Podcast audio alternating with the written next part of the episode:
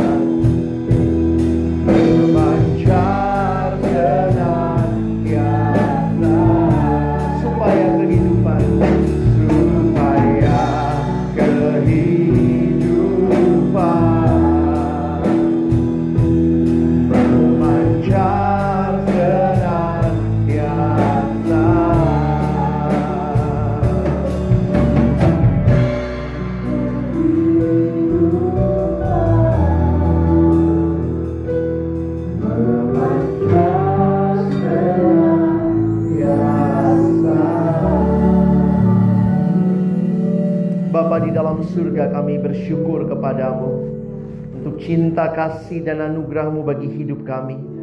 Terima kasih hari ini Tuhan beri kesempatan di hari perhentian Yang kau berikan kepada kami. Kami boleh datang memuji memuliakan namamu. Tuhan tiba waktunya bagi kami untuk membuka firman-Mu. Kami mohon ya Tuhan ketika kami membuka firman-Mu Bukalah juga hati kami. Jadikanlah hati kami seperti tanah yang baik supaya ketika benih firman Tuhan ditaburkan itu boleh sungguh-sungguh berakar, juga berbuah nyata di dalam kehidupan kami. Berkati hambamu yang menyampaikan setiap kami yang mendengarkan. Tuhan tolonglah kami semua. Agar kami bukan hanya jadi pendengar-pendengar firman yang setia, tapi mampukan kami dengan kuasa dari rohmu yang kudus. Kami dimampukan menjadi pelaku-pelaku firman-Mu di dalam kehidupan kami. Bersabdalah ya Tuhan, kami umatmu sedia mendengarnya. Di dalam satu nama yang kudus, nama yang berkuasa, nama Tuhan kami Yesus Kristus. Kami menyerahkan pemberitaan firman. Amin. Shalom. Selamat pagi Bapak Ibu yang dikasihi Tuhan Yesus Kristus. Senang sekali boleh kembali melayani di tempat ini dan kesempatan ini kita punya tema yang menarik untuk kita baca, untuk kita renungkan, metanoia. Apa itu?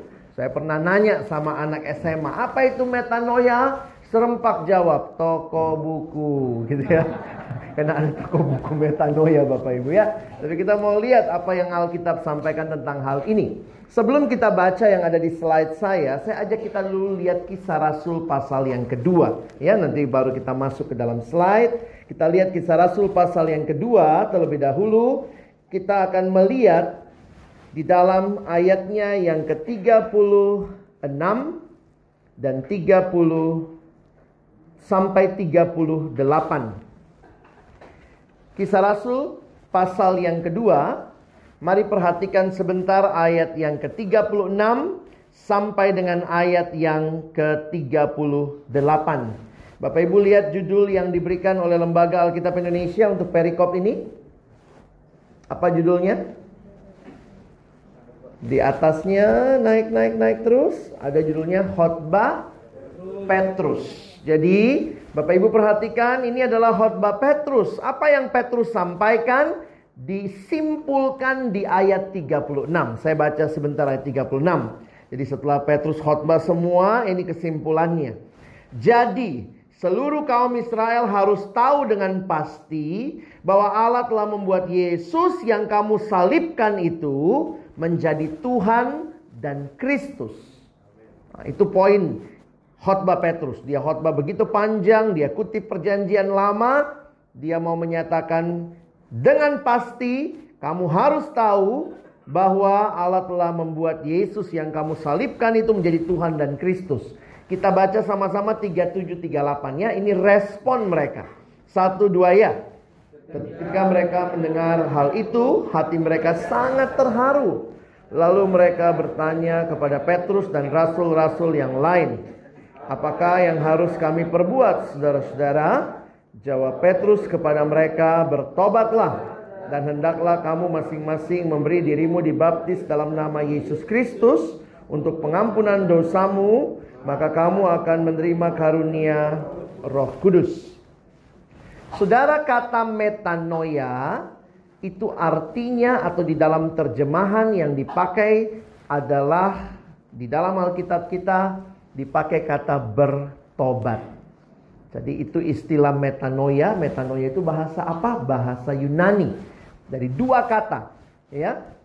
Jadi metanoia atau meta uh, apa ya? Jadi kalau kita lihat dua kata ini sebenarnya dalam artinya itu arti dasarnya mengalami perubahan cara berpikir.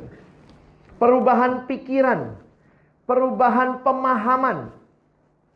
Sehingga kira-kira 50 kali lebih, kalau tidak salah 58 kali muncul di perjanjian baru kata metanoia, sebagian besar diterjemahkan dengan bertobat. Ya. Nah, menarik sekali untuk memperhatikan salah satu terjemahan metanoia dalam bahasa Indonesia ada di ayat 38 tadi. Jadi setelah mereka dengar khotbah Petrus, bahkan Petrus kalimatnya tajam juga. Yesus yang kamu salibkan. Kenapa? Karena Sebelumnya mereka juga yang tadinya berseru mengeluh-elukan Yesus Raja. Mereka juga yang berkata salibkan dia. Tetapi ketika hari Pentakosta roh kudus turun. Maka kemudian dikatakan Petrus berkhotbah. Dan ketika Petrus menyampaikan khotbahnya. Dia menyampaikan bahwa Yesus yang kamu salibkan itu. Dia yang adalah Tuhan. Dia adalah Kristus. Mesias. Nah setelah itu mereka tanya apa yang harus kami lakukan. Nah muncul kata ini Petrus bilang bertobatlah metanoia kamu. Ubah cara pikirmu. Dulu kamu pikir dia bukan Tuhan, dia bukan Mesias. Kamu salibkan. Sekarang dia bangkit, dia Tuhan, dia Mesias. Jadi ini perubahan cara berpikir. Dan dari mana itu datangnya? Saya yakin sekali itu adalah karya roh kudus yang bekerja membawa orang yang tadinya tidak percaya Yesus, sekarang percaya Yesus. Nah, di Alkitab itu banyak cerita seperti itu. Memang tidak muncul kata metanoianya, tapi bisa kita lihat ada perubahan yang penting begitu mereka kenal Yesus. Masih ingat ceritanya Paulus, Bapak Ibu? Dulunya dia datang dengan orang dengan satu semangat menghancurkan orang Kristen tiba-tiba perjumpaan dia dengan Tuhan. Itu terjadi metanoia itu ya. Tiba-tiba malah sekarang jadi penginjil besar. Tadinya mau membunuh, pikirannya lihat orang Kristen dibunuh. Sekarang pikirannya lihat orang Kristen dilayani. Wah itu saudara itu bisa berubah begitu gimana ya? Itu mirip kayak tiba-tiba ini kalau tiba-tiba ya, nggak tahu kita ngarepin nggak ya? Tiba-tiba misalnya Habib Rizik bertobat, gimana saudara? Itu langsung kita bilang itu metanoia itu. ya, Tadinya mungkin ya dia nggak suka sama orang Kristen tiba-tiba kalau dia jadi Kristen. Tapi Bapak Ibu rela nggak sih dia jadi Kristen? Rela ya. Kadang-kadang kita saya, saya tanya teman saya, lu rela nggak? Boleh, tapi digantung dulu di Monas tiga hari baru boleh masuk gereja gitu. Ya. Karena kesel gitu ya. Kadang-kadang memang ya itulah Tuhan beranugerah kita manusia kadang-kadang suka tidak compassion ya. Kita maunya tuh bales gitu ya. Sehingga Bapak Ibu mungkin bisa lihat ya, mungkin ada sanak saudara yang dulu pemabuk berat, tiba-tiba bertobat. Tinggalkan semua. Nah, itu namanya metanoia. Makanya di dalam kita mengerti metanoia itu ada hamba Tuhan yang kasih ilustrasi begini. Itu kayak berbalik 180 derajat. Jadi misalnya kalau tadinya ngadep sana, sekarang berbalik 180 derajat. Jangan 360 ya, balik lagi nanti gitu ya.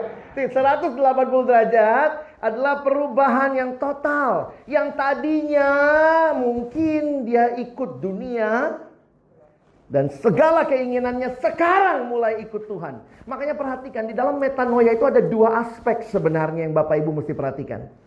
Di dalam metanoia ada yang namanya berbalik dari dan sekarang berbalik kepa, kepada. Jadi dulunya dia menyembah yang bukan Allah, menyembah berhala, sekarang menyembah Allah. Dulunya orang Yahudi yang Petrus khotbahkan, khotbahi itu, taunya Yesus itu bukan Tuhan. Sekarang mereka berbalik dari pandangan itu dan punya pandangan Yesus adalah Tuhan. Coba lihat satu hal lagi. Ada satu kesaksian walaupun tidak ada kata metanoia tapi ini bisa menolong kita. Satu Tesalonika pasal yang pertama Coba Bapak Ibu lihat kalimat Paulus waktu menyaksikan bagaimana perubahan hidup jemaat di Tesalonika. 1 Tesalonika 1 Coba lihat ayatnya yang ke-9. Yuk kita baca sama-sama Bapak Ibu ya. Satu, dua, ya.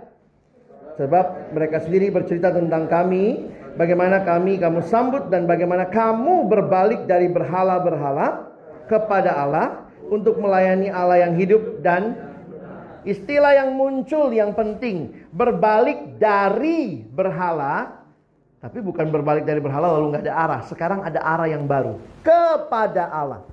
Dan itu jelas sekali istilah yang muncul. Metanoia adalah perubahan yang terjadi. Perubahan pemikiran bukan cuma pikirannya tapi kemudian perilakunya ikut berubah ini bukan cuma perubahan pemikiran, tapi secara spiritual seluruh hidupnya berubah. Ketika kita berjumpa dengan Tuhan, dan itu harusnya terus mengalami pembaharuan itu di dalam hidup kita.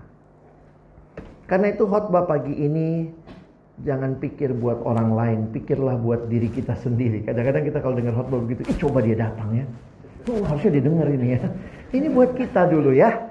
Apa poinnya? Mari kita evaluasi hidup kita. Sudahkah perubahan itu terjadi? Memang perubahan besar itu bisa terjadi dengan spontan, dengan sangat uh, langsung begitu ya. Tetapi kemudian kita melihat pembaharuan itu Tuhan kerjakan terus menerus. Saya pikir perjumpaan Paulus dengan Kristus yang membalikkan arah hidupnya tidak berhenti sampai di situ. Kalau kita belajar dari sejarah gereja, Paulus katanya malah pergi ke Arab, dia belajar kekristenan dan maksudnya dia makin mendalami lalu dia pulang dan dia melayani. Itu menunjukkan kepada kita pembaharuan eh, metanoia bisa terjadi satu kali dengan perubahan arah, tapi selanjutnya ada pembaharuan.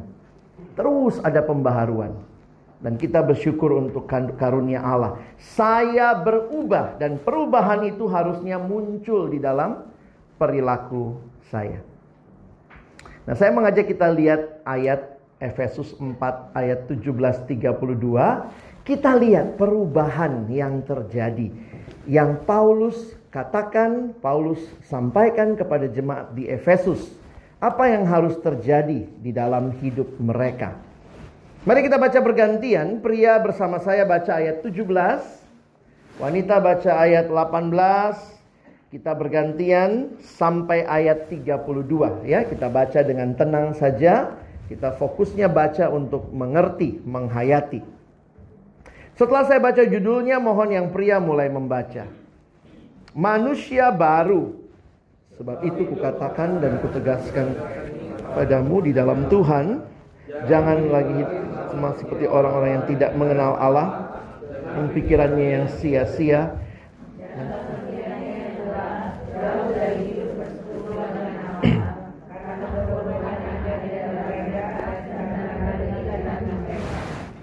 Perasaan mereka telah tumpul sehingga mereka menyerahkan diri kepada hawa nafsu dan mengerjakan dengan serakah segala macam kecemaran.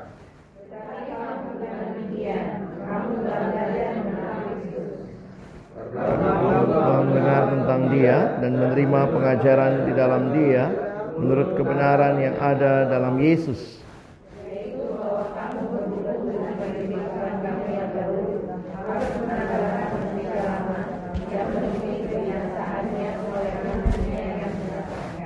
Supaya kamu dibaharui di dalam roh dan pikiranmu dan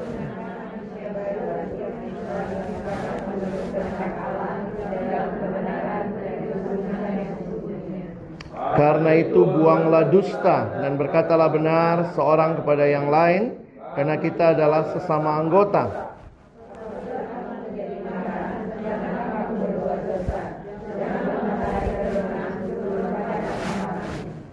Dan janganlah beri kesempatan pada iblis.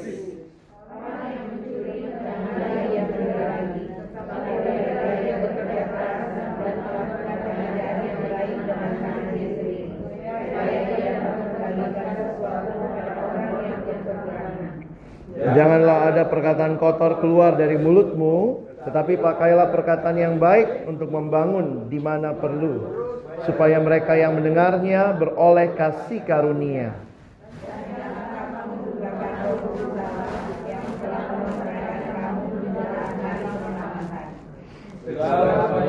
Kegeraman, kemarahan, pertikaian, dan fitnah hendaklah dibuang dari antara kamu. Demikian pula segala kejahatan.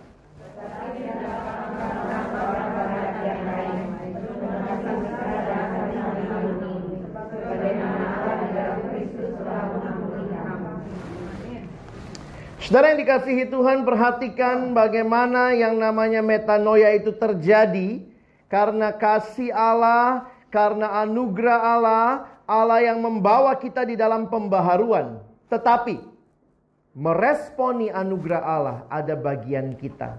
Di sinilah saya mengangkat bagian ini untuk kita sama-sama pikirkan. Hidup yang baru menjadi manusia baru ada tanggung jawab kita. Kadang-kadang orang bicara anugerah, tidak bicara tanggung jawab. Kita lupa, betul anugerah Allah menyelamatkan kita bukan karena perbuatan baik kita, tapi setelah kita diselamatkan, Tuhan mau kita menyatakan itu lewat buah-buah kebenaran, kehidupan yang baik.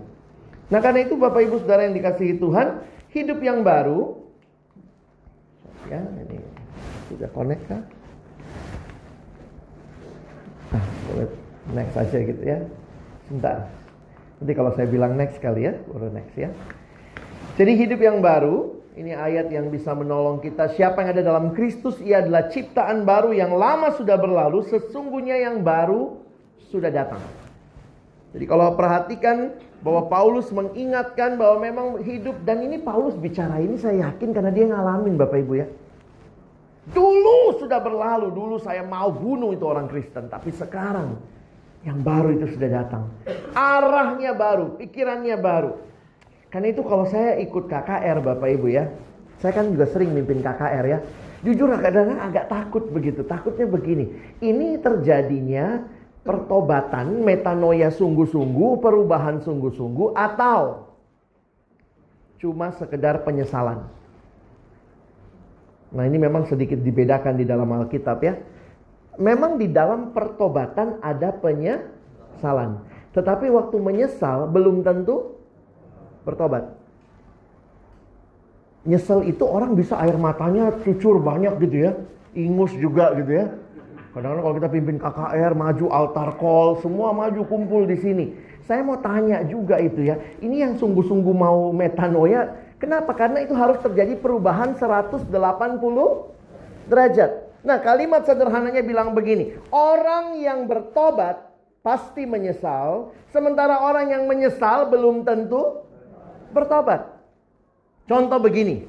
Ini contoh saya kasih contoh ya. Misalnya nih ada seorang ibu dari rumah mau pergi ke pasar. Jadi ini dari rumah Ibu ini mau pergi ke pasar, saudara ya. Lagi jalan, mau pergi ke pasar, mau beli sayur. Tiba-tiba di tengah jalan baru sadar. Aduh, saya lupa bawa dompet. Ibu ini harus nyesel atau tobat? Ini kan dia lagi jalan nih dari rumah nih, dompet di rumah. Dia lagi jalan menuju ke ini ya, terus tiba-tiba eh dompet lupa di rumah. Apa bedanya nyesel sama tobat? Ini ibu ini mesti tobat apa nyesel nih? Nyesel. Kalau nyesel kan cuma begini. Aduh, lupa dompet di rumah. Aduh, lupa dompet cuma tapi terus jalan ke pasar. Itu namanya nyesel. Tidak ada perubahan a, arah. Kan tadi 180 derajat kan. Ini dompet di rumah. Lagi jalan lupa. Terus cuma nyesel. Aduh, lupa dompet. Aduh, lupa dompet. Tapi terus ke pasar. Cuma gila ya. Sampai pasar emang mau beli pakai apa? Mau beli pakai senyum. Kangkung. Kol. Nggak bisa saudara ya. Jadi Ibu itu harus apa? Tobat. Tobat maksudnya balik arah, ambil dompet. Nah banyak orang waktu di KKR itu cuma nyesel. Tidak lagi Tuhan. Oh, oh, oh. Tapi malam itu doang. Besok balik lagi. Nah ini makanya kita harus melihat ya. Sebenarnya di dalam anugerah Tuhan ada respon yang harusnya kita berikan. Kenapa? Tuhan sudah berikan arah yang baru, tapi biarlah terjadi itu bukan cuma penyesalan. Perlu penyesalan, perlu. Tapi juga perlu tindakan nyata dalam hidup yang sudah diselamatkan. Nah teman-teman, Bapak Ibu Saudara, perhatikan cara Paulus bicara sama jemaat. Ini jemaat yang sudah Kristen.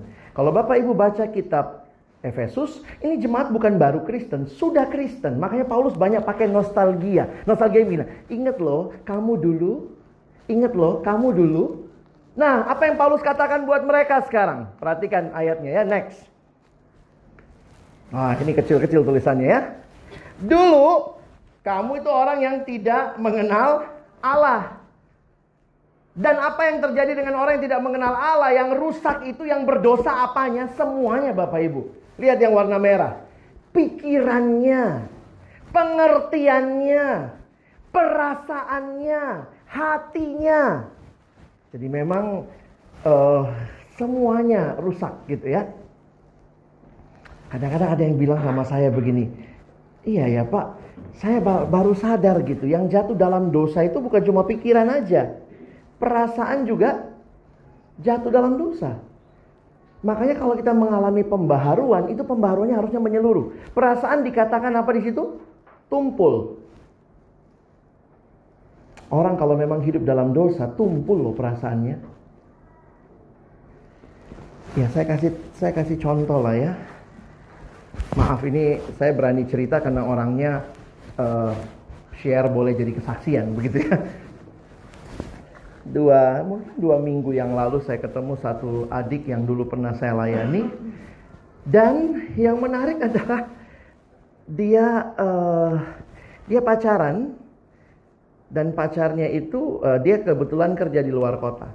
Adik yang saya layani ini laki-laki lalu pacarnya tinggal di satu apartemen dan saya baru tahu karena dia cerita dia bilang gini ya kak jangan marah ya saya mau cerita kenapa Selama kami pacaran tiga tahun ini, dari tahun 2016, tiap kali saya datang ke Jakarta, saya tinggal di apartemen cewek saya.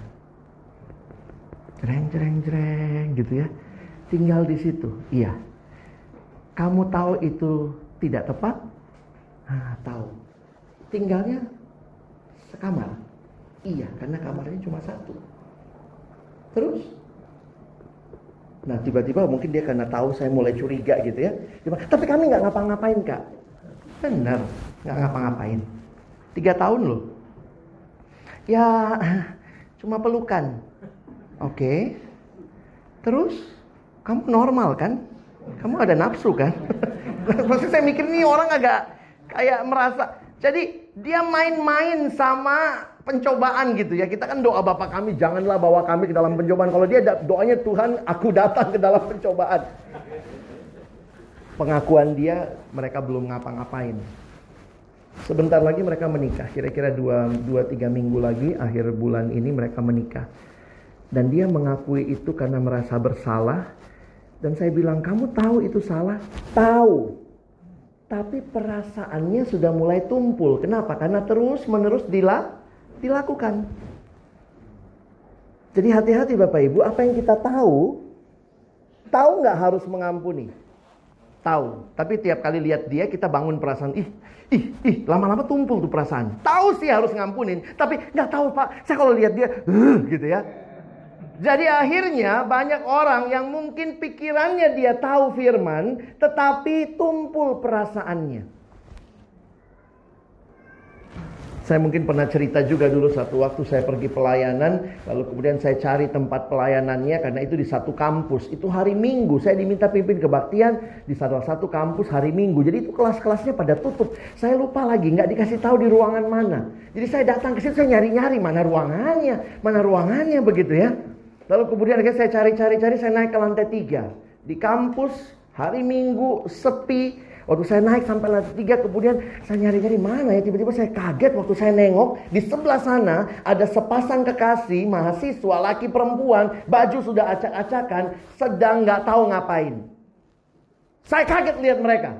Mereka kaget lihat saya. Sesudah itu apa yang terjadi? Mereka lanjut saudara. Saya yang malu, saya yang lari. Dalam hati saya mati deh, itu apaan tadi gitu ya. Kok bisa begitu? Gue waktu saya lari turun dari lantai tiga, saya lari turun. Saya udah ngos-ngosan gitu ya. Aduh mana dari jauh ada yang nemuin saya. Kak di sini kak pengurusnya gitu ya. Terus kemudian waktu saya udah bisa ngatur napas, kak kebaktiannya di sana. Ayo kak gedung sebelah. Oh ya udah. Waktu saya jagi jalan menuju ke gedung itu sama dia. Ini pengurus loh ya. Terus saya tanya sama dia, sorry ya, tadi tuh aduh saya lihat sesuatu di lantai tiga. Apa responnya? Ah, udah biasa. Di sini hari Minggu memang biasa gitu kak. Kadang-kadang mereka pakai obat, pakai narkoba, kan sepi kampus, nggak ada yang lihat. Kalau pacaran terus kemudian mereka bercumbu, tapi biasanya begini-begini. Jadi waktu dia menjawab seperti itu, saya agak takut juga ya. Kita makin lama perasaannya makin tumpul. Lihat orang berbuat dosa, kira-kira apa respon kita?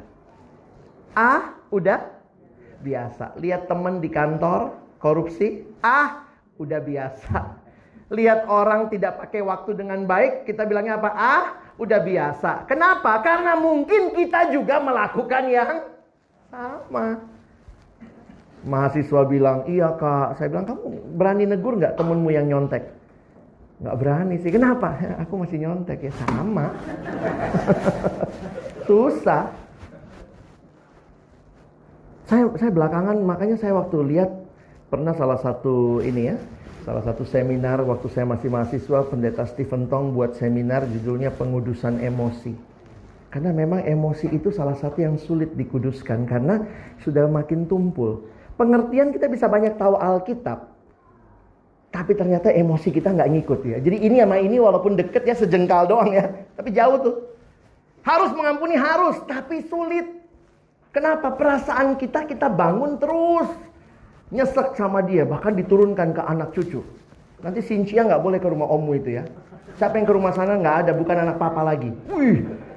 Jadi akhirnya kita menularkan gitu ya. Kau tahu dulu betapa sakit kita dibikin sama mereka. gitu ya. Saudara sehingga akhirnya yang terjadi kita bukan punya emosi seperti Kristus. Pikiran, perasaan, hati tumpul dan itu semua Paulus ingatkan. Perhatikan ayat 20 ada di depannya. Tetapi, wah ini menarik ya. Tetapi kamu bukan demikian. Paulus bilang sama jemaat di Efesus, kamu bukan demikian, kamu sudah kenal Kristus dan waktu kamu kenal Kristus ada tanggung jawab. Nah, saudara boleh lihat next. Istilah yang digunakan Paulus ini sebenarnya istilah yang menarik seperti baju ya. Ada yang ditanggalkan, ada yang dikenakan. Jadi bukan tinggalkan, tanggalkan. Itu istilah yang muncul di dalam Alkitab. Saudara perhatikan, boleh lihat next. Ayat 21, karena kamu telah mendengar tentang dia, menerima pengajaran di dalam dia, Menurut kebenaran yang nyata dalam Yesus yaitu bahwa kamu berhubung dengan kehidupan kamu yang dahulu harus menanggalkan manusia lama. Nah, ini yang saya bilang kayak baju ya. Tanggalkan yang lama. Kenapa? Karena itu menemui kebinasaannya oleh nafsunya yang menyesatkan supaya kamu dibaharui dalam roh dan pikiranmu dan mengenakan manusia baru. Bapak Ibu perubahan yang terjadi ketika Kristus datang menjumpai kita itu anugerah yang luar biasa. Tapi responi itu dengan benar-benar menanggalkan yang lama dan belajar mengenakan yang baru. Ini persis metanoia tadi. Tinggalkan tapi ada arah yang baru. Bukan lagi menyembah berhala, tapi sekarang menyembah Allah. Bukan lagi mengenakan hal-hal yang tidak tepat. Tanggalkan itu. Tapi kemudian kenakan. Jadi ini hal yang menarik. Nah Paulus menggunakan prinsip ini tanggalkan dan mengenakan setelah dia masuk ke ayat-ayat berikutnya. Kita lihat yang pertama ya, next. Begitu ayat 25, next. Ayat 25, yang ditanggalkan apa? Yang dikenakan apa? Saya menggunakan warna. Kalau Bapak Ibu nggak buta warna sih ya kelihatan ya. Jadi yang ditanggalkan itu warnanya hijau, yang dikenakan warnanya biru. Apa yang ditanggalkan? dusta. Saya pikir ini praktis sekali loh. Metanoia itu jangan kita pikir konsep, berbalik, perubahan pikiran, tapi coba lihat real life kita. Makanya saya katakan tadi, mari waktu kita sama-sama belajar ini, kita evaluasi hidup kita. Apakah kita sudah membuang dusta dan belajar berkata benar? Kadang-kadang itu nggak gampang. Ini simple banget ya. Supaya kita kelihatan baik, kadang-kadang kita bohong. Supaya kita kelihatan keren, kadang-kadang kita harus mengatakan hal-hal yang tidak sepantasnya. Saya ketemu satu hamba Tuhan, eh bukan hamba Tuhan ya, satu majelis lah ya di sebuah gereja. Kaget juga saya, pokoknya semua pembicara dia kenal. Jadi ada juga orang yang sombongnya gitu ya, sombongnya karena kenal semua pembicara. Saya, oh dia bilang, e, Pak kenal Bapak ini? Enggak Pak. Oh kalau saya kenal Pak, saya begini begini begini, saya pernah gitu gitu. Terus kemudian pembicara ini, jadi semua pembicara dari maaf kata ya, yang kelas besar sampai kelas yang paling kecil, dia kenal semua. Saya pikir gila, bohongnya luar biasa nih orang gitu ya. Kenapa saya katakan bohong? Karena saya pikir bukan itu, dia sedang mendapatkan kebanggaan dengan seolah-olah kenal semua orang. Satu waktu saya pergi pelayanan ke satu desa di Klaten, ketemu dukun. Dukun itu persis tinggal sebelah gereja. Jadi waktu kami dulu masih mahasiswa, saya pergi ke Klaten, kami di host itu sama GBI di sana. Jadi kami tinggal di gereja. Nah sebelah gereja itu rumahnya dukun kampung. Jadi mbah itu suka main ke gereja waktu kami gitu ya. Terus biasalah dia selalu kalimatnya begini, mbah nggak bohong. Nah itu biasa kalau dia udah ngomong mbah nggak bohong, belakangnya bohong. Karena tiba-tiba dia ngomong gini, mbah nggak bohong. Mbah ini nggak punya orang tua. Mbah ini lahirnya dari gedebong pisang. Kita sampai oh gitu ya. Pagi-pagi nih kami soalnya satu minggu di sana. Tiap pagi dia datang ke gereja. Terus dia ngomong gitu. Jadi dari gereja ini kami lihat tuh Merapi di kejauhan ya. Merapi itu kira-kira berapa puluh kilo. Tapi kelihatan tinggi Gunung Merapi ya. Terus pagi-pagi dia mulai lagi. Mbah nggak bohong. Semalam mbah dari puncak. Kita waktu lihat ya Allah mbah bohong masih. mbah dari puncak Merapi kemarin. Yang paling gila lagi dia ngomong gini. Mbah nggak bohong. Mbah ini nggak butuh makan. Mbah itu mutih. Cuman minum air putih sama rokok. Waktu pendeta habis masak, ayo mbah makan, makan juga saya lihat dia di situ. Ah ngomong aja ini. Tapi saudara bisa lihat ya kenapa? Saya akan ceritakan seperti ini. Makin sering kita bohong itu jadi kebiasaan. Nah saya bilang sama adik yang saya tadi cerita ya, yang dia satu kamar sama pacarnya itu. Saya bilang ketika perasaanmu sudah tumpul, saya harus katakan ingat di dalam kita melakukan dosa, dosa selalu mengikat kepada dosa yang lain. Itu prinsip dosa. Saya bilang, jadi selama ini kalau orang tanya, kau di Jakarta nginap di mana? Kau jawab apa? Udah tiga tahun, apa yang kau jawab? Jawabannya apa? Di rumah saudara. Kan saudara dalam Tuhan kak. Ya ampun gitu ya. Saya bilang itulah ya. Kau bohong. Tiga tahun bohong, lama-lama jadi biasa. Biasa, nggak bohong malah bingung. Saya bilang, tiga minggu lagi kalian akan menikah. Saya sarankan, kalaupun kau tetap tinggal di situ, tidak boleh satu kamar. Jaga batas, supaya kalian bisa menikmati kekudusan di dalam mempersiapkan pernikahan. Saya bilang hati-hati. Banyak orang menjelang nikah justru jatuh. Kenapa? Karena kan pikirnya udah pasti merit sama dia, ya. Jadi udahlah, ya main-main dikit lah sebelum merit. Makanya saya justru, kalau dalam membimbing orang, banyak orang jatuh sesudah tunangan atau menjelang merit. Padahal seks, hubungan seks hanya dinikmati dalam konteks pernikahan. Suami dan istri. Jangan pikirkan pasti dia suami saya udah masuk warta gereja juga kok. Terus boleh curi start. Nyolong. Banyak orang tidak mau setia dengan hal-hal yang kecil. Kalau ada perubahan pikiran, maka kita bukan ikut dunia, tapi ikut Tuhan. Hati-hati dengan dusta. Yang kedua, next. Marah. Ini simple-simple banget ya. Apa yang harus ditanggalkan? Janganlah kamu marah yang berbuat dosa. Jangan beri kesempatan kepada iblis. Jadi sebenarnya dari ayat ini marah boleh nggak sih? Bapak Ibu? Boleh marah nggak? Boleh. Tapi jangan berbuat dosa. Masalahnya kita tuh marahnya lebih sering berbuat dosa. Boleh nggak marah? Boleh. Ah, jelas banget ayatnya. Apabila kamu menjadi marah, berarti kalau marah, Boleh marah boleh, tapi jangan berbuat dosa. Gimana marah yang nggak berbuat dosa? Marahnya karena hal-hal yang jelas. Kalau lihat orang nyontek, marah nggak? Kalau kita udah nggak punya kemarahan, mungkin perasaan kita sudah tumpul. Lihat orang tidak urus anaknya baik-baik, bagaimana perasaan kita? Harusnya marah. Lihat orang hidup tidak kudus sebelum pernikahan, marah nggak? Kalau kita makin ah biasa, ah biasa, kita nggak punya kemarahan kudus itu penting. Saya cerita nih pengalaman cici saya dulu sekolah di luar negeri, lalu kemudian mereka satu rumah lah ya, tinggal di apartemen. Mereka kan dapat beasiswa, kami dari Indonesia Timur waktu itu ada beasiswa ke Australia.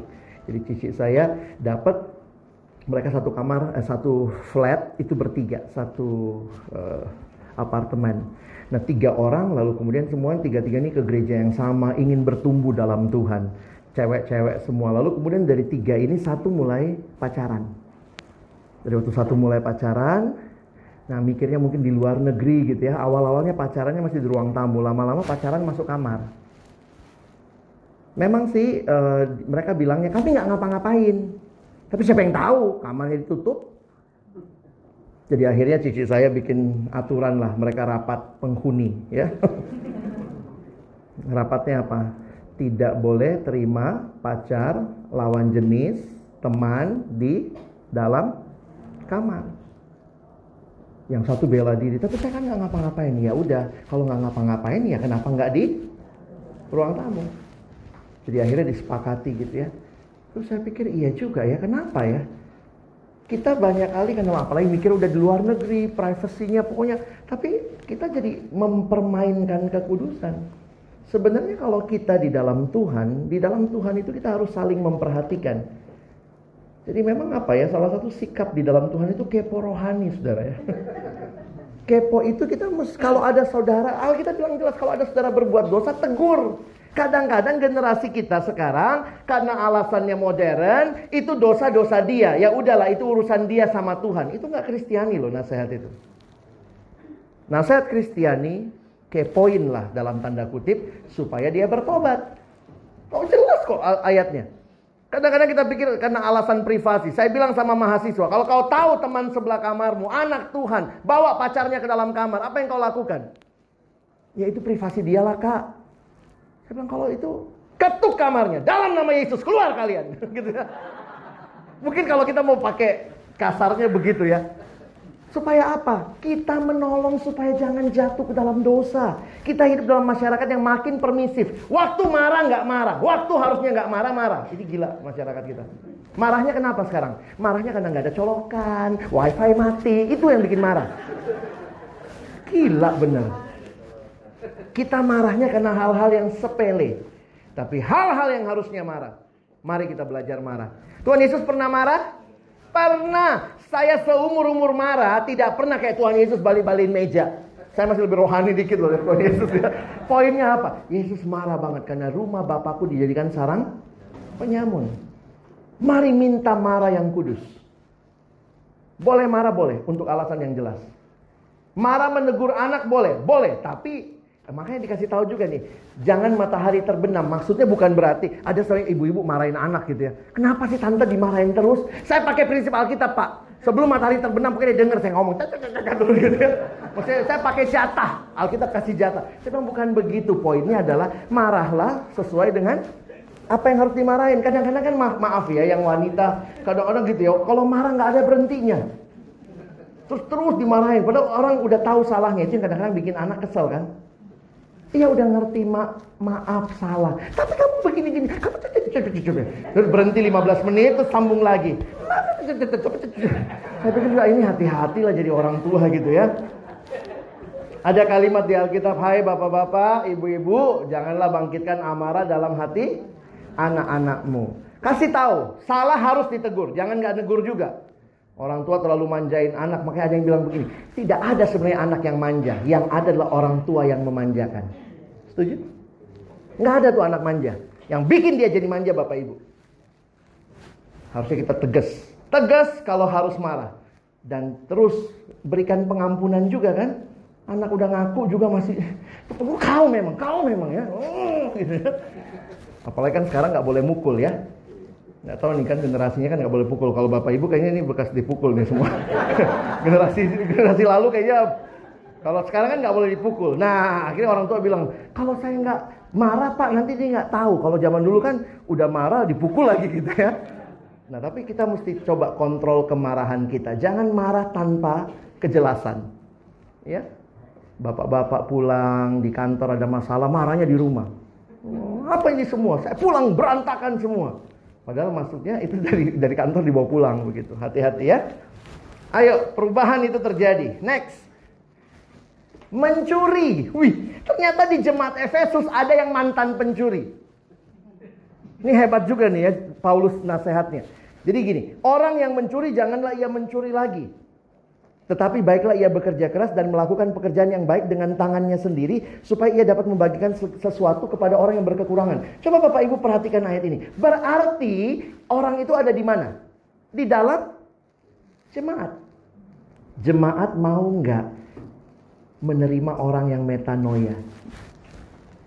Habib Risik tadi mau terima nggak berjemaat di sini? Terima ya. Kalau Habib Risik aja diterima, apalagi yang bekas nyolong. gitu kan?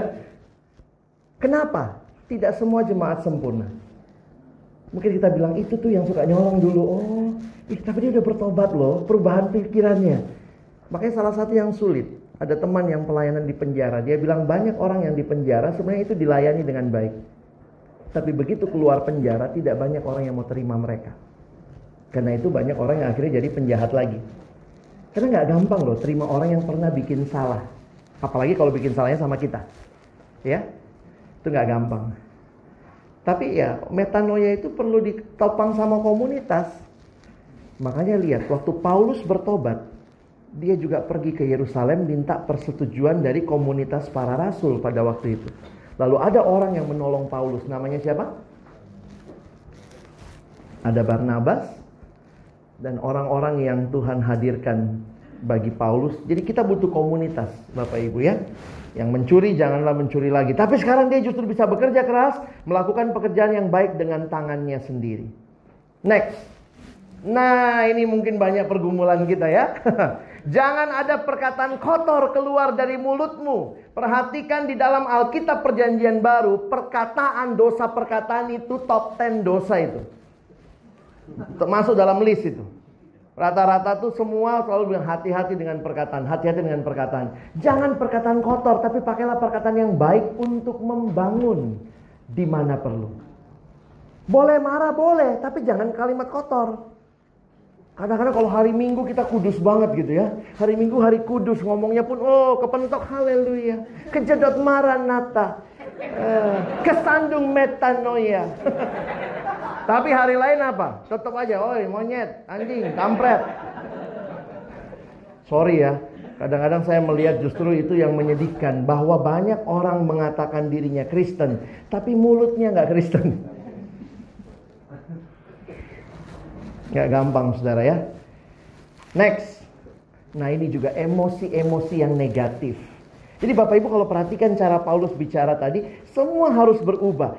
Pikiran, perkataan, perasaan, perbuatan. Nah ini masalah perasaan. Banyak orang dalam KKR-KKR nangisnya karena ini. Saya berapa kali kalau pimpin KKR kan agak susah ya. Siapa yang masih mencuri? Enggak ya. Kadang-kadang orang Kristen yang baik-baik mah enggak nyolong, enggak. Tapi begitu ditanya siapa yang punya akar pahit? Mungkin sama suami, sama istri, sama orang tua. Wah itu banyak yang maju. Tuhan bereskan kepahitan, kegeraman, kemarahan, pertikaian, fitnah. Itu semua hendaklah dibuang di antara kamu. Demikian pula segala kejahatan. Bapak Ibu minta sama Tuhan ya. Kalau saya sudah mengalami perubahan Tuhan tolong saya mengalami penyucian emosi yang makin dikuduskan. Belajar mengampuni gak gampang. Belajar terima, belajar memaafkan, gak mudah. Tapi Tuhan mampukan kita. Karena itu ikut pemuridan ya. Ikut kesempatan kelas-kelas yang membuat kita ya. Saya pengikut Kristus atau apa gitu ya. Itu jadi kesempatan kita ditolong mengalami perubahan. Kenapa? Biasanya kita tahu tapi gak punya komunitas yang mensupport.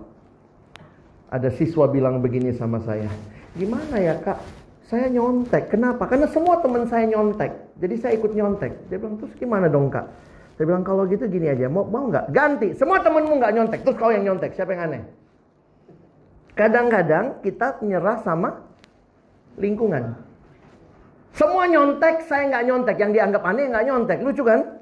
Tapi kalau begitu cari semua. Semua nggak nyontek. Kamu nyontek. Terus kamu bilang, aku nyontek dong, aku nyontek dong. Pasti kau jadi aneh. Di mana dapat komunitas yang semua nggak nyontek? Harusnya ada komsel-komsel, harusnya ada uh, apa ya uh, ke, uh, gereja yang benar-benar menolong jemaatnya untuk bisa melihat di luar sana ada nilai itu, di sini ada orang-orang yang pegang nilai kebenaran. Harus ada counter culture community, komunitas tandingan. Bagaimana emosi yang positif? Next. Ini yang mesti dikenakan ya. Ramah seorang kepada yang lain. Penuh kasih mesra. Dan, nah ini yang sulit nih Ibu ya. Saling mengampuni. Wih, lebih sulit lagi ada komanya.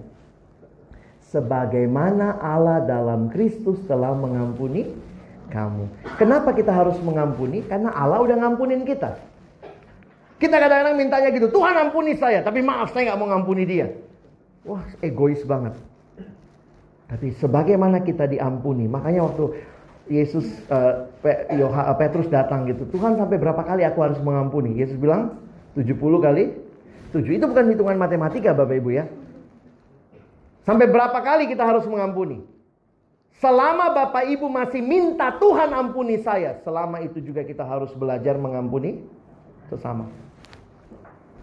Gak gampang tapi bisa dengan kekuatan. Kita lanjut sedikit. Next. Ini pasal 5, udah masuk pasal 5 ya. Sebab itu jadilah penurut-penurut Allah seperti anak-anak yang kekasih dan hiduplah dalam kasih. Ini mirip kayak ayat atasnya. Koma sebagaimana Kristus dikasih teladannya Yesus. Mengampuni sebagaimana Kristus, mengasihi sebagaimana Kristus. Bagaimana Kristus mengasihi kita? Dia menyerahkan dirinya untuk kita. Mari belajar hidup dalam kasih.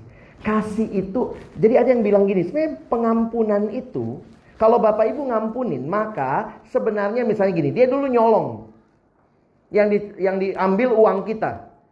Rugilah kita 2 juta misalnya. Nah waktu kita ngampunin, siapa yang nanggung 2 jutanya? Yang ngampunin kan? Kan kita kita ngampunin, udah nggak usah bayar lah. Berarti kerugiannya siapa yang nanggung? Ketika Bapak Ibu dan saya mengampuni, ingat selalu ada harga yang kita bayar, yang kita tanggung. Dulu dia bikin jahat sama kita, tapi saya ngampunin. Semua yang dia bikin jahat itu saya yang nanggung. Ya sudah, selesai. Kita kadang-kadang nggak selesai karena maunya balas dendam. Itu yang bikin film silat panjang ya, balas dendam. Tapi ada yang bilang, ya Pak kalau nggak balas dendam kan nggak ada film kungfu panjang gitu ya. Ya juga ya. Begitu berantem, apa kamu? Apa kamu? Ih, kau anak Tuhan, aku juga anak Tuhan. Lalu nyanyi, dalam Yesus kita bersaudara. Satu seri cuman. Itu panjang karena diturunkan dari emaknya, engkongnya turun ke anak, turun ke cucu gitu ya. Sehingga juga kita suka begitu ya. Turunkan dendam itu. Wah hati-hati. Next. Percabulan. Hati-hati Bapak Ibu ya. Tetapi percabulan dan rupa-rupa kecemaran atau keserakan disebut saja jangan di antara kamu. Jadi hati-hati, ini bagian yang perlu kita tinggalkan. Seorang teman baru pulang retret. Gimana ngomongnya biar nggak ketahuan ya. pulang retret pekerja gereja, majelis gereja. Dan dia cerita sama saya, Kak tahu Tiba-tiba laptop gereja rusak. Calon majelis kasih laptopnya. Dipakailah laptop itu. Waktu sudah pakai laptop itu, selesai acara ibadah semua selesai, teman saya nutup laptop itu. Sebelum tutup, keklik history. Ternyata isinya semua website porno. Ini laptop calon majelis gereja. Aduh, Alkitab bicara. Jadi top 10 dosa itu perkataan sama percabulan. Percabulan yang dimaksud ini dosa seksual. Jadi hati-hati. Tidak ada dari kita yang imun, Bapak Ibu, tapi kita harus jaga diri. Banyak suami istri ternyata bisa jadi ada suaminya yang kecanduan pornografi, padahal udah menikah. Dan banyak yang belum menikah juga kecanduan pornografi. Dulu kalau pergi pelayanan gitu ya, statistiknya begitu. Tujuh dari sepuluh pria di bawah 25 tahun sudah kecanduan pornografi. Dulu statistiknya begitu, sekarang mungkin statistiknya 10 dari 10 pria. gitu ya. Saking ngerinya pornografi. Dan itu masuk terus. Dan ini Alkitab mengingatkan. Jangan anggap enteng. Beberapa anak yang saya layani, ada satu remaja yang saya layani, dia bilang dia mau tinggalkan pornografi. Saya bilang, kamu jatuhnya gimana? Saya sering nonton VCD porno, Kak. Ya sudah, hapus itu. Uh, VCD-nya buang. Tiba-tiba dia bilang, gak bisa, Kak. Kenapa gak bisa? Punya papa. Mati deh. Ini berarti papamu yang mesti datang konseling. Anak mau bebas. Beberapa anak jatuh dalam pornografi pertama kali di rumah sendiri. Dan saya lihat tidak ada alasan buat pria sudah menikah sekalipun boleh punya film porno. Dengan alasan apa pun. Tapi kan ini kan film orang dewasa, boleh punya. Tidak ada alasan. Ketika kita harus, ketika kita merasa untuk membangkitkan hasrat seksual kita harus pakai film porno. Berarti kita sedang tidak beres dengan hasrat seksual kita. Saya tidak lihat alasan jelas orang yang dewasa boleh nonton film porno. Kenapa? Yesus bilang waktu lihat aja kamu udah berzina. Itu bukan istri kita, bukan suami kita, ngapain dilihatin? Apalagi dibayangkan, membangkitkan hasrat kita. Tidak ada alasan orang Kristen punya film porno. Tapi kan kita udah dewasa, tidak ada masalah dewasa. Di situ masalah kekudusan. Sebagaimana sepatutnya bagi orang-orang kudus. Disebut aja jangan. Sebenarnya kalau Bapak Ibu lihat ya, ini kalimatnya dalam bahasa aslinya dipakai istilah tidak boleh ngejok porno. Coerce joke. Nanti cek bahasa aslinya ya. Jadi ternyata Alkitab juga bilang, kadang-kadang hal-hal yang seksual, yang kudus antara suami dan istri yang terjadi di tempat yang privat, di tempat tidur, dibawa ke ruang publik, diketawain, di kantor, diketawain di, gereja, di, di bukan di gereja ya, di kalau naik kereta pagi-pagi itu ya. Saya dengar dari teman-teman yang naik kereta pagi-pagi gitu, kadang-kadang itu dijokin gitu ya. Semalam gimana mas suami? Gila ini, udah generasi. Ini zaman yang gila. Oh tapi nggak apa-apa kayak sama-sama orang dewasa. Kalimat Alkitab jelas, coerce joke, joke-joke yang porno, yang kudus dibawa jadi hal bercandaan, tidak tepat. Ada orang suka ngejok, tapi joknya semua porno. Jangan pikir wah kalau dia ada semua senang, tidak. Mungkin semua senang, tapi Tuhan nggak senang. Terakhir ya, next. Nah, balik lagi perkataan lagi ini ya. Perkataan yang salah jadi Bapak Ibu makanya saya bilang ini hati-hati ya. Perkataan kotor, kosong atau sembrono. Apa yang mesti dikatakan? Ucaplah syukur. Nah, ini evaluasi buat kita semua ya. Pulang apa yang mau kita tanggalkan dan apa yang mau kita kenakan. Kebiasaan kita, perasaan kita, pikiran kita biarlah kita serahkan kepada Tuhan. Next, sebagai respon, um, next lagi. Ada ayat yang saya ingin kita baca sama-sama ya sebagai penutup. Roma 12 ayat 2. Satu dua ya. Janganlah kamu menjadi serupa dengan dunia ini, tapi berubahlah oleh pembaharuan budimu sehingga kamu dapat membedakan manakah kehendak Allah, apa yang baik, yang berkenan kepada Allah dan Perhatikan saya garis bawahi kata berubahlah. Di dalam hidup ada berbagai jenis perubahan. Tetapi kata dasarnya, next, dalam bahasa aslinya ini dipakai kata transform atau metamorfosis. Metamorfosis adalah perubahan. Bapak Ibu, next, lihat. Nah ini, dari kepompong, eh, dari ulat jadi kepompong, jadi Kupu-kupu itu berubah nggak? Berubah ya? Next. Berubahlah. Next lagi. Next. Ini berubah nggak? Ini bunglon. Bunglon tuh berubah nggak sih? Berubah ya? Tapi ngikutin li lingkungannya. Next. Nah begitu lingkungannya warna apa dia jadi warna itu. Karena itu bunglon. Alkitab tidak bicara perubahan bunglon. Tidak. Kalau hari Minggu kudus, hari lain kenapa Minggu kudus? Karena semua kudus ya. Lingkungannya lagi kudus, hari lain kudis. Next. Next. Nah, ini perubahan yang kita harapkan. Next lagi. Jadi kupu-kupu. Ini juga berubah, ya. Nah, Bapak Ibu mau berubah yang model apa? Sebenarnya orang yang berubah kayak kayak bunglon itu yang cuma nyesel. Minggunya nyesel, tobat-tobat di gereja sampai ingus semua di depan altar. Hari lain balik. Kenapa? Karena dia bunglon. Begitu ketemu yang ngomong jorok, ikut ngomong jorok. Begitu ketemu yang nggak bener, ikut yang nggak bener. Saya pikir bukan itu perubahan yang Tuhan mau. Perubahan yang tadinya kamu ulat, jadi kepompong, jadi kupu-kupu. Makanya kita pakai istilah yang sama, metamorfosis. Tuhan mau kita berubah. Berubahlah bagi kemuliaan namanya. Amin. Mari kita berdoa. Bapa di dalam surga, terima kasih banyak untuk firman-Mu pagi ini. Terima kasih untuk setiap pengertian yang Tuhan berikan. Kami mau mengalami perubahan karena Tuhan yang sudah selamatkan kami, Tuhan mengubah arah hidup kami. Sekarang hidup kami bukan bagi dunia, tapi bagimu ya Tuhan.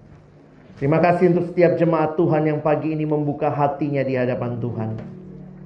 Terima kasih untuk setiap teguran yang Tuhan berikan bagi kami. Terima kasih untuk setiap pembaharuan yang Tuhan berikan. Kami mau hidup bukan seperti dunia. Kami mau hidup seperti Engkau. Terima kasih Tuhan. Tolong kami sekali lagi bukan cuma jadi pendengar firman. Mampukan kami jadi pelaku firman. Kami bersyukur dalam nama Yesus kami berdoa. Amin.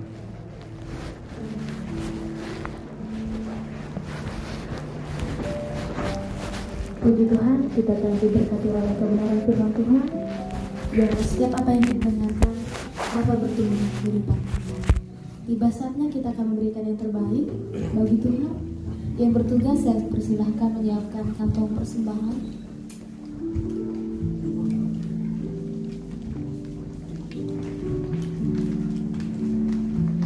Mazmur pasal 50 ayat yang ke-23 Siapa yang mempersembahkan syukur sebagai korban Ia memuliakan aku. Siapa yang jujur jalannya Keselamatan yang dari Allah akan kuperlihatkan kepadanya.